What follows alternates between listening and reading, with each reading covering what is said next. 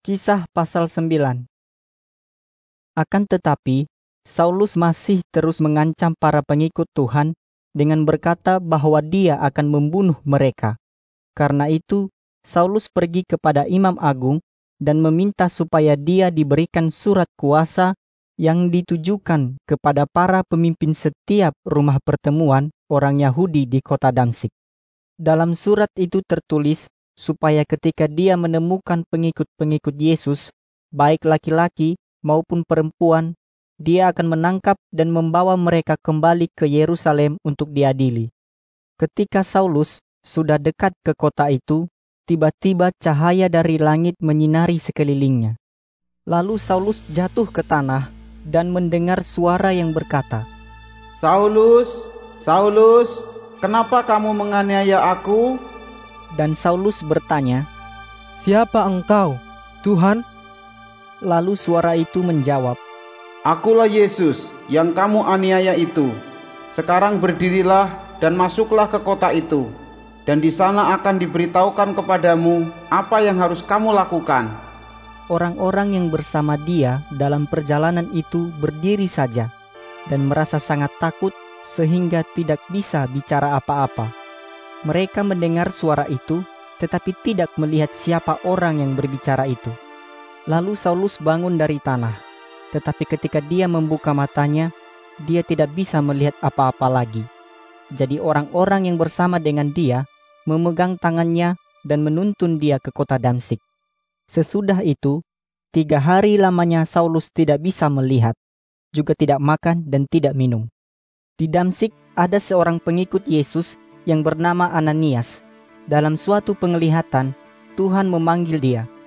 Ananias, Lalu Ananias menjawab, Saya di sini Tuhan.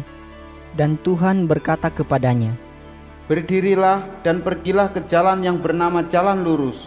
Carilah rumah seorang yang bernama Yudas. Katakanlah kepada seseorang di rumahnya bahwa kamu mau bertemu dengan seorang yang bernama Saulus, yaitu orang yang berasal dari kota Tarsus. Dia sekarang sedang berdoa kepadaku. Dan dalam suatu penglihatan juga, Saulus sudah melihat seorang yang bernama Ananias datang kepadanya dan meletakkan kedua tangannya padanya, supaya dia bisa melihat kembali. Tetapi Ananias menjawab, Tuhan, saya sudah mendengar banyak tentang orang itu. Dia sudah banyak menganiaya umatmu di Yerusalem. Dan dia datang ke sini dengan membawa surat kuasa dari imam-imam kepala untuk menangkap setiap orang yang percaya kepadamu. tetapi Tuhan berkata kepadanya, Pergilah, karena aku sudah memilih dia untuk menjadi hambaku, supaya dia memberitakan tentang aku kepada orang yang bukan Yahudi dan kepada raja-raja dan juga kepada orang Yahudi.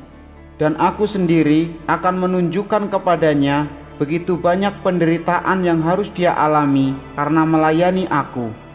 Maka Ananias pergi ke rumah Yudas untuk menemui Saulus. Lalu dia meletakkan kedua tangannya pada Saulus dan berkata, Saulus saudaraku, Tuhan Yesus mengutus saya kepadamu. Dialah yang kamu lihat dalam perjalananmu ke sini. Dia mengutus saya supaya kamu bisa melihat lagi dan dipenuhi oleh Roh Kudus. Lalu tiba-tiba ada sesuatu seperti sisik ikan yang jatuh dari mata Saulus, dan dia bisa melihat kembali. Sesudah itu dia berdiri, lalu Ananias membaptis dia. Kemudian Saulus makan dan merasa kuat kembali. Lalu Saulus tinggal beberapa hari bersama pengikut-pengikut Yesus di Damsik. Dia langsung pergi ke beberapa rumah pertemuan orang Yahudi dan mulai memberitakan tentang Yesus dengan berkata, Yesus adalah anak Allah. Semua orang yang mendengar dia menjadi heran dan berkata, Bukankah dia ini yang mencoba membinasakan orang-orang yang percaya kepada Yesus di Yerusalem? Karena itulah dia datang ke sini untuk menangkap dan membawa mereka kepada imam-imam kepala. Tetapi Tuhan semakin memberi hikmat dan kemampuan kepada Saulus untuk meyakinkan orang lewat ajarannya. Dan waktu dia berdebat dengan orang Yahudi di Damsik, tidak ada yang bisa mengalahkan dia, karena dia membuktikan bahwa Yesus adalah Kristus yang dijanjikan Allah. Sesudah lewat beberapa hari, orang Yahudi di Damsik membuat rencana untuk membunuh Saulus. Siang dan malam mereka menjaga pintu-pintu gerbang kota supaya bisa membunuh dia. Tetapi kemudian rencana mereka itu diketahui oleh Saulus. Dan pada suatu malam, orang-orang yang sudah mengikuti ajaran Saulus menolong dia untuk meloloskan diri dari kota itu. Mereka menurunkan dia di dalam sebuah keranjang besar melalui lobang yang ada di tembok kota itu. Pada waktu Saulus tiba di Yerusalem, dia mencoba bergabung dengan para pengikut Yesus yang lain, tetapi mereka semua takut kepadanya. Mereka tidak percaya bahwa dia sudah menjadi pengikut Yesus. Tetapi Barnabas membawa dia kepada para rasul dan menceritakan bagaimana Saulus sudah melihat Tuhan dalam perjalanan ke Damsik. Barnabas juga memberitahukan bahwa Tuhan sudah berbicara kepada Saulus dan Saulus sudah memberitakan tentang Yesus dengan berani di Damsik. Jadi, Saulus pun bergabung dengan mereka dan sering ikut bersama mereka ke mana saja di seluruh Yerusalem. Dan dia selalu berbicara tentang Tuhan dengan berani. Tetapi dia sering berdebat dengan beberapa orang Yahudi yang berbahasa Yunani. Sampai akhirnya mereka mencoba untuk membunuh dia. Pada waktu hal itu didengar oleh saudara-saudari seiman yang lain, mereka mengantar Saulus ke Kaisarea, lalu mengirim dia ke Tarsus. Sesudah itu, semua orang percaya di seluruh Yudea, Galilea, dan Samaria hidup dengan tenang dalam perlindungan Allah. Mereka hidup dengan penuh rasa hormat kepada Tuhan Yesus, dan Roh Kudus selalu menguatkan mereka, sehingga jumlah mereka semakin bertambah banyak.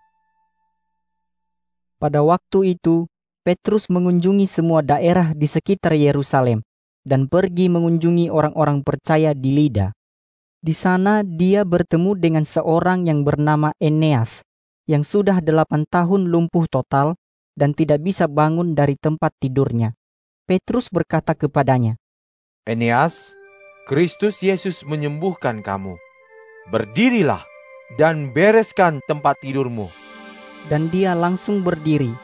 Lalu semua orang yang tinggal di Lida dan Saron melihat Eneas sudah disembuhkan. Lalu mereka bertobat dan kembali kepada Tuhan. Di kota Yope tinggal seorang pengikut Yesus yang dalam bahasa Ibrani bernama Tabita. Dalam bahasa Yunani, Tabita disebut Dorcas, yaitu rusa kecil. Perempuan itu selalu berbuat hal-hal yang baik untuk orang lain dan sering menolong orang miskin. Pada waktu Petrus berada di Lida, Tabita sakit keras lalu meninggal. Kemudian ibu-ibu lain memandikan mayatnya sesuai dengan adat Yahudi dan menaruh mayatnya di ruangan atas. Kota Lida dekat dengan Yope. Jadi, ketika orang-orang percaya mendengar bahwa Petrus berada di Lida, mereka mengutus dua orang ke sana Lalu kepadanya mereka memohon dengan sangat, "Tolong cepat datang." Lalu Petrus menyiapkan diri dan ikut dengan mereka. Ketika tiba di sana, Petrus diantar ke ruang atas tersebut. Semua janda berdiri mengelilingi Petrus di situ. Sambil menangis, mereka memperlihatkan kepadanya jubah-jubah dan pakaian lain yang dibuat oleh Dorcas untuk mereka pada waktu dia masih hidup. Sesudah Petrus menyuruh semua orang keluar dari ruangan itu, dia berlutut dan berdoa. Kemudian dia melihat ke arah mayat itu dan berkata, Tabita, bangunlah. Lalu Tabita membuka matanya, dan ketika melihat Petrus, dia bangun dan duduk.